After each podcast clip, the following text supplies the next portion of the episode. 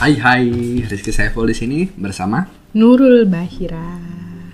Ya, jadi ada yang seru nih kita lihat di Twitter berita kejadian cerai perceraian. Cerainya gitu. udah lama mungkin ya. Perceraian udah lama, nggak tahu deh. Gitu. Em, tapi yang pasti jadi di post itu alasan eh, cerainya, penyebab cerainya, konfliknya gitu. Dan pas kita baca, waduh, jadi teringat ya dengan cerita-cerita saudara, tetangga, dan banyak juga tuh kok komentar twitternya ngebales mengkonfirm gitu bahwa ini kejadian juga nih di, di diri mereka.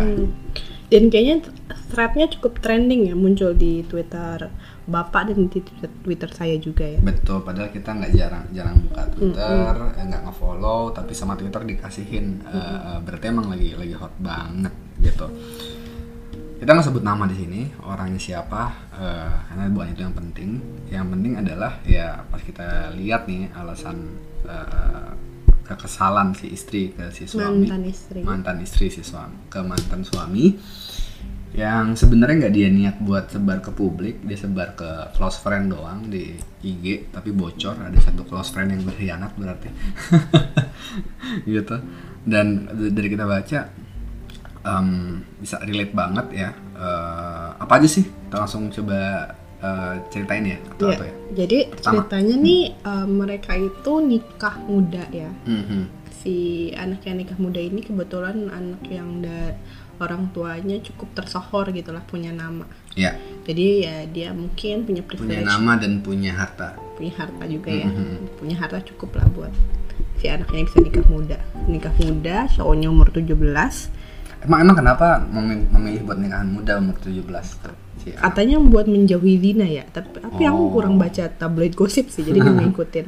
cuman pernah dengar tuh dulu waktu awal-awal tahun 2000 berapa gitu pernah dengar Iya. Rame-ramenya. Kalau perempuannya umur berapa? 20 kalau nggak salah ya Hmm, tiga jadi tahun lebih tua atas. tiga tahun ya. Hmm, mualaf juga ya. Mm-mm, mungkin. Punya anak satu mereka. Oh punya anak satu oke. Dan dan cerai di pernikahan tahun kelima. Mm-mm. gitu. Kita Da- kita belum tahun kelima ya tahun ketiga ya. Belum baru tahun kelima. Eh, baru tahun ketiga gitu. Nah jadi kontennya nih konten yang yang ya kita sih terlepas dari ini. Benar kan ini kan sepihak ya Eh, eh, eh, cuman terlepas dari benar atau enggak ceritanya sih eh, relate banget ke banyak familiar orang. ya Familiar. banyak banyak banyak kita dengar juga lah curhatan-curhatan istri-istri yang marah sama suaminya gitu. Hmm. Itu jangan kamu juga sebenarnya kesal sama aku gitu, diem-diem. Ya maksudnya something that we can relate to kan karena Iya. kayaknya banyak gitu zaman sekarang yang kasusnya kayak gini ya. Jadi Oke. Langsung- langsung. Kasusnya apa aja nih? Si istrinya ini ngepost di Instagram stro- di Instagram story alasan kenapa dia minta cerai bahwa suaminya tuh kurang peduli, kurang empati sama kesusahan istrinya. ya. Hmm. Kalau anaknya sakit, demam, istrinya yang nganter ke rumah sakit, nemenin malam, tapi suaminya kayak em, asik sama hobinya sendiri atau cuman nganterin doang rumah sakit Hmm. uh, Ya, itu pagi sampai itu ya. siang sampai malam eh nggak tahu deh pokoknya secara Di, di poin yang lain lagi. Iya ya. main games terus fokusnya sama main futsal Iya. subuh subuh dibelain buat apa nonton Pertandingan bola. pertandingan ya? bola tapi waktu sama keluarganya tuh Iya. kurang waktu sama istrinya istrinya juga merasa kurang dibimbing sebagai istri gitu kan kurang Ah. mendapatkan perhatian Ada ada ada oh ya ini aku ingat jadi bahwa di awal nikah si istri memang eh, mungkin alasan istri buat nikah gitu salah satunya adalah da- ingin dapat bimbingan rohani gitu. Nah itu yang eh, ternyata nggak didapat pas pas sudah nikah. Jadi ada kebutuhan emosional eh, yang nggak terpenuhin. Padahal udah diminta di awal sebelum nikah. Gitu. Oke, jadi itu ya mungkin tema besar yang kita dapat, yang kita pikir bisa relate ke banyak orang, cowok atau suami asik sama dirinya sendiri gitu, Eh, nggak bantuin istri yang lagi kesusahan sama anaknya, kurang mungkin kurang bantuin istri lagi kesusahan sama anaknya, Em, dan mungkin kalau di kasus ini sih enggak, kalau di kasus ini sih enggak, Eh, tapi aku yakin di kasus lain tuh ada yang sampai kurang kasih nafkah mungkin. Gitu. Jadi eh, di sini berputar sih. Ya berarti eh, antagonisnya ini seolah-olah si cowok nih. Hmm. si cowok gitu. Nah em, penyebabnya apa ya kira-kira ya eh, cinta? Kok bisa cowok seperti itu gitu? Aku malah nanya kamu kamu kan cewek. Menurut kamu apa? Oke, oke. Nah, jadi nah, mungkin aku lihat ke diri aku sendiri ya, gitu. Eh, kita nikah nih, eh, sayang dua tiga tahun ya, gitu jalan jalan tiga tahun gitu. Aku merasa memang hidupku berubah setelah punya anak, gitu. Bahwa dulu sebelum punya anak, ya sebelum punya anak berarti waktu masih sama kamu ya, itu emang lagi lagi honeymoon banget kan, wah. eh, pasangan pertama aku kan nggak pernah pacaran tuh sebelumnya terus em, cuman mungkin sebelum kenal kamu ya aku ngerasa eh, bisa aktualisasi diri lebih eh, ke hobi aku. Ya bukan nonton bola bukan main game. Aku suka banget eh, bikin produk gitu bikin tulisan bikin aku suka su- suka ngebikin sesuatu nih seperti podcast ini gitu. Seneng banget nih akhirnya dapat kesempatan si Amtar lagi tidur. Nah eh, itu yang hilang eh, pas mulai punya anak sampai bahkan ya sekarang nih kan susah kan Eh, eh, ya sempat lah curi-curi waktu tapi akhirnya berat juga gitu. Dan em, ya aku ngerti aku, tapi aku paham itu emang konsekuensinya aku memang harus kerja penuh waktu gitu. Dan di sisi lain aku ya ingin bikin anakku eh, me- mentalnya berkembang dengan baik gitu kan. Kalau kita kita berdua sepakat sama itu kita nggak pengen ada babysitter. Eh, dan juga aku pengen istri aku ya bahagia gitu nggak nyesel nikah sama aku. Eh, itu sih. Eh, eh, eh, tapi aku aku menya- aku mencoba memahami ya berempati ya bahwa ada loh dorongan buat me time eh, yang yang emang hilang. Ya intinya sih berat di orang tua. Kalau kamu gimana Hmm, apa tuh? Eh, yang kamu rasain setelah perubahan setelah eh, Hmm, kalau yang sama sih kayak Nikah, kamu, punya maksudnya. Hmm. ketika punya anak ya, itu kayak ganti arah hidup gitu. Kalau Hmm. dulu mungkin fokus sama diriku, sama apa yang target yang mau aku kerjain, sama karir. Kalau setelah nikah tuh kayak em, apa arahnya tuh emang semuanya fokus buat anak, Hmm. buat Amtar gimana nggak sih yang terbaik buat Amtar. hmm, Udah nggak ada lagi tuh apa, wah aku pengen kayak gini-gini gitu hmm, Ka- sampai sekarang masih ada apa yang aku pengen kejar gitu cuman not for um, the cost of Amtar's best education, Amtar's well-being gitu. Jadi emang kalaupun aku bisa, aku Yeah. lakuin. Cuman kalau aku tahu itu bakal um, bakal berdampak sama Amtar ya nggak aku lakuin gitu. oke Me time ada kalau ada kesempatan Amtar tidur aku pengen me time kan, sama iya. kayak kamu. me Eh, time nah. sama us time juga ya Hmm, Nah, pertanyaan besarnya adalah apakah nikah muda, nikah pada usia muda 17-18 itu membuat orang menjadi tidak cukup mature gitu.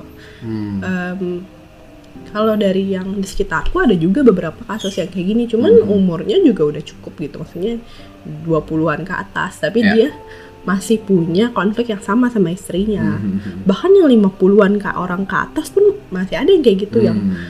um, Sabtu minggunya pas dia nggak kerja dia main sama hobinya gitu jadi Mhm. interaksi sama anaknya kurang deket gitu kurang banyak Iya. ngobrol cuman dia masih provide cuman istrinya masih protes hal yang sama gitu kebutuhan emosional kebutuhan emosional kedekatan Mhm. sama istri gitu kan aku juga sering bilang sama kamu Iya. ya kayak aku tuh butuh banget waktu ngobrol sama kamu bisa Hmm. tahu hidup kamu Eh, kita ngobrolin itu dan itu membuat aku ngerasa terpenuhi gitu kebutuhan Hmm. sosialnya Hmm. Nah, aku tahu beberapa kasus cuman jadi ibu dan ngurusin rumah ngurusin anak Mm-mm. Aku tahu beberapa kasus yang istrinya tuh eh, sampai akhirnya nyari keluar gitu, Hmm. nyari mungkin tetangga atau cari teman kumpul sama temen-temennya karena ya nggak terpenuhi kebutuhan itu sama Iya. suaminya gitu. Oke oke. Nah, eh, thank you buat sharingnya. Jadi terlihat memang eh, ya satu tadi berat di orang tua. Hidup kita bakal berubah drastis gitu.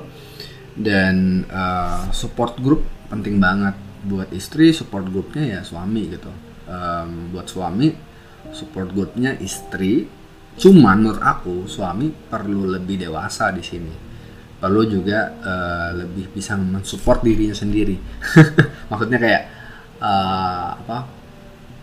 Ya dia misalnya depresi lah karena masalah di kantor gitu atau eh, bosan atau apa dia harus bisa healing itu dengan lebih cepat. Kenapa? Karena aku yakin eh sorry karena aku ngelihat emang lebih berat jadi ibu sih daripada jadi ayah gitu. Jadi eh, agak eh, naif dan kekanak-kanakan kalau suaminya tuh menuntut istrinya buat men- mensupport dia gitu. Menurut aku gitu. Menurut kamu gimana? Iya juga sih. Em, ya kalau suaminya hobinya ya kayak main bola, main PS ya siapa istri yang nggak marah kan? Kalau akhirnya anaknya berantem didiemin, anaknya sakit nggak diperhatiin gitu kan. Pasti kan momen-momen stres gitu kita pengennya pasangan kita ngedukung gitu. Hmm. So you're right at the point.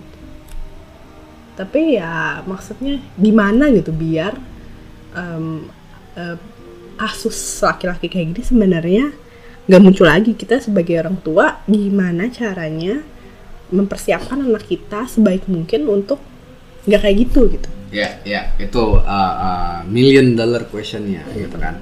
Yang coba kita uh, bahas bareng-bareng nih. Uh, berhubung kita sama-sama itu ya suka suka mikir. Nah kebetulan kita cowok, jadi kita mungkin bakal jadi ayah nanti gitu. Mungkin bakal kayak oh dia tiba-tiba ketemu apa namanya pujaan hatinya, terus aku mau nikah cepet gitu. Nah misal dia ntar ngomong kayak gitu, uh, apa yang kita jawab gitu atau mungkin persiapan kita uh, sebelum dia sampai di titik itu apa aja ya kira-kira ya Kalau ngomongin persiapan panjang menurut aku ya. Hmm. Kalau dari kecil maksudnya itu sesuatu maturity itu sesuatu yang nggak bisa. Kayak lo udah 17 tahun lo udah harus uh, cari duit sendiri mendadak gitu. Menurut aku maturity yang kayak gitu yang builds along ya along the way gitu. Maksudnya dari kecil um, Amtar udah harus dididik tentang apa?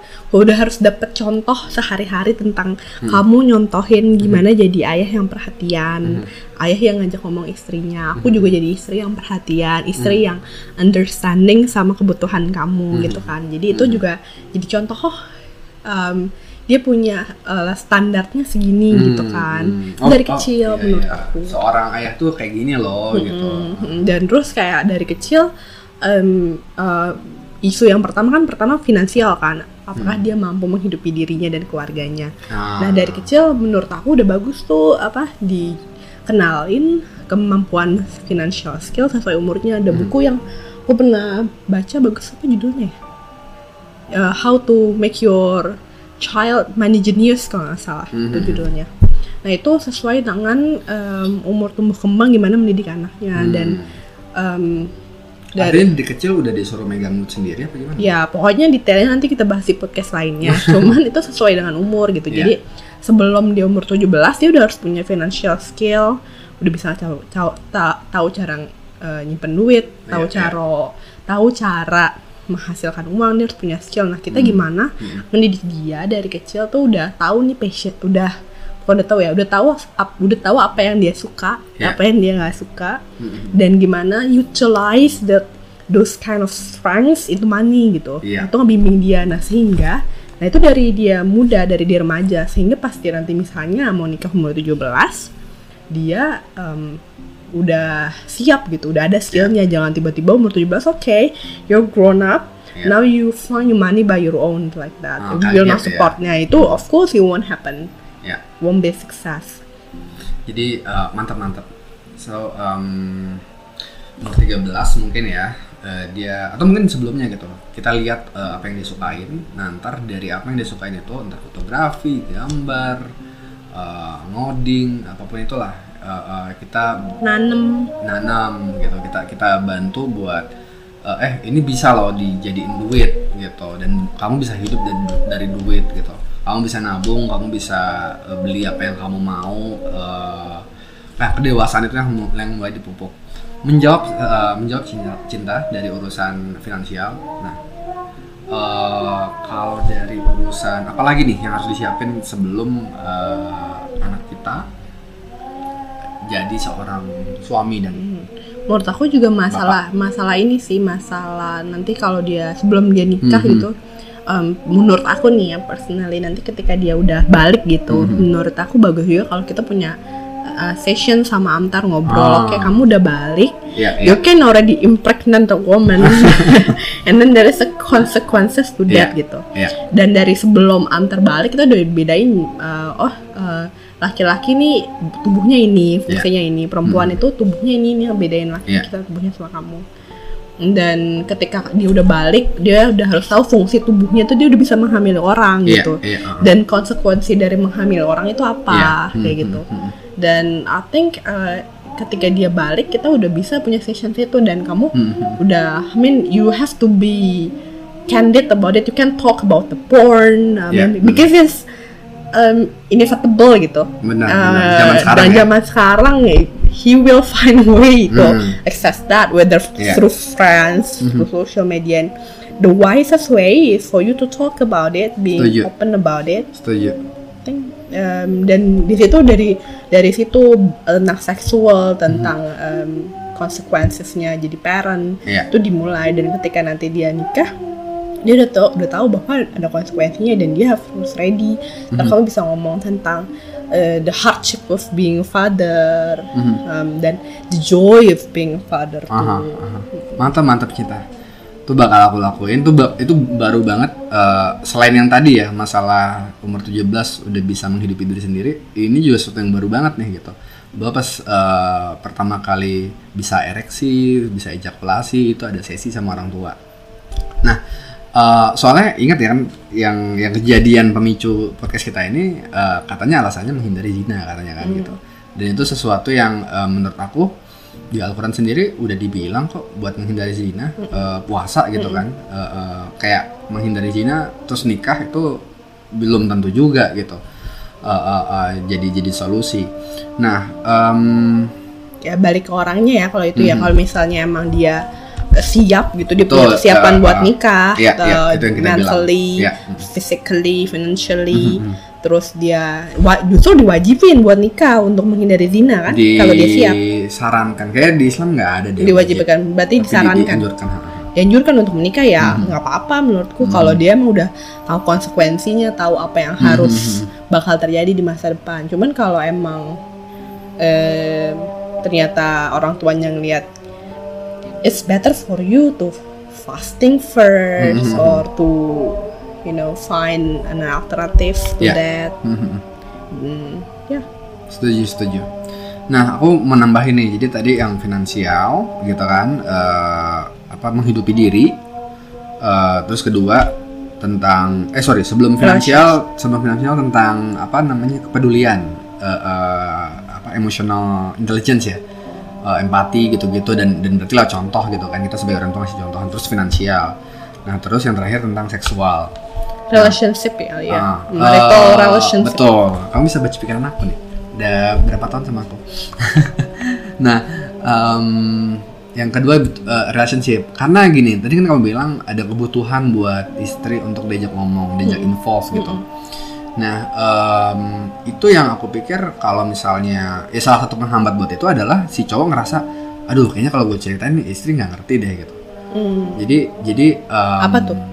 yang Kenapa? kamu nggak ngerti yang istri nggak ngerti itu apa Oh enggak, maksudnya kemungkinan uh, si cowok akhirnya nggak mau cerita sesuatu ke orang lain gitu kan. Itu adalah takut yang di sana tuh nggak ngerti. Jadi kayak kayak uh, nggak dapat interaksi yang yang fruitful juga gitu dari dari itu.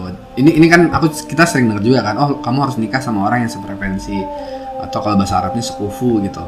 Nah, aku, aku pikir arahnya di di situ Uh, uh, bahwa uh, ya aku bilang ke Amtar nanti uh, kamu harus cari pasangan yang eh kalau misalnya dia itu ceritanya ceritanya itu adalah cowok gitu kamu tertarik juga buat jadi best friendnya dia gitu. Hmm, jadi mungkin agak aneh find sih. find a couple who you want to I mean married your best friend something like that ya. Ya something like that gitu. Buat ya buat se, value orang bisa Mhm. diajak ngobrol. Mhm. ya kayak kita sekarang gitu. Bahwa bahwa kita ngobrolin topik ini di podcast bisa di podcast atau bukan di podcast ya. Cuman kita suka topik ini uh, nunjukin kita bisa berinteraksi gitu. Kebutuhan emosional kita didengerin gitu. Uh, uh, berdebat mungkin sedikit itu terpenuhi. Kalau kita nggak bisa mungkin kayak ya salah satu cari orang checklist- lain gitu ya? Salah satu checklist kebahagiaan uh, uh, hidup berkurang. Eh, jadi ya itu. Jangan jangan jangan terlalu fokus sama wajah cantiknya atau badan seksinya meskipun itu biologis dan alami. Aku bakal bilang itu ke Amtar karena dia soalnya besar eh, eh, dari seorang ibu yang cantik oke jadi eh, sekian sih kayaknya ada lagi nggak Ya, jadi intinya Aspek-aspeknya. adalah um, tentang financial readiness, kita oh sebelum kan, finansial ah, emosional emotional readiness, Ah, tentang ah. empatik sama orang, Iya. terus bertanggung jawab, Iya. ngebantu istrinya yang kesusahan gitu Iya, kan. ah. Terus emotional readiness, financial readiness, Aha. sama um, understanding of marital relationship, including sexual relationship, Iya. apa the needs for connections Mhm. between the partners, gitu ya. Mhm. Yang menurut kita perlu uh, jadi dasar sebelum oke you can get married gitu dan Mhm. itu sesuatu yang harus dipupuk dari kecil, iya, mantap, disiapkan dari kecil. mantap. Quite a good plan, and I'm so happy marrying you. I mean, uh, we love to plan ahead and being strategic. Um, mudah-mudahan membantu juga ke pendengar. Kalau emang suka sama yang topik kayak gini, uh, jangan lupa subscribe. Um, Like and comment. Ini podcast nggak tahu deh, ntar, tapi tersebar di mana-mana ya. Kalau di Google Podcast apa, di Apple Podcast apa nggak tahu. Nah, but anyway, um, paling penting sih, aku pengen Amtar nanti dengerin episode ini gitu. Kayak eh, berapa belas tahun sebelumnya ternyata orang tua dia sempat ngerekam ini buat dia gitu. Uh, um, dan dan dan ya semoga Nggak jadi wacana ya. apa? Nggak jadi wacana apa? Ya, oh ya yang yang, yang rencana kita nggak jadi wacana. Betul betul betul. Thank you. Oke. bye bye See you next. see you next episode. Eh, nggak tahu kapan tergantung ada topik yang menarik atau enggak kita Dan Amtar lagi tidur apa enggak? betul itu juga. Eh, eh, kita lebih penting kualitas daripada kuantitas ya. Yo bye bye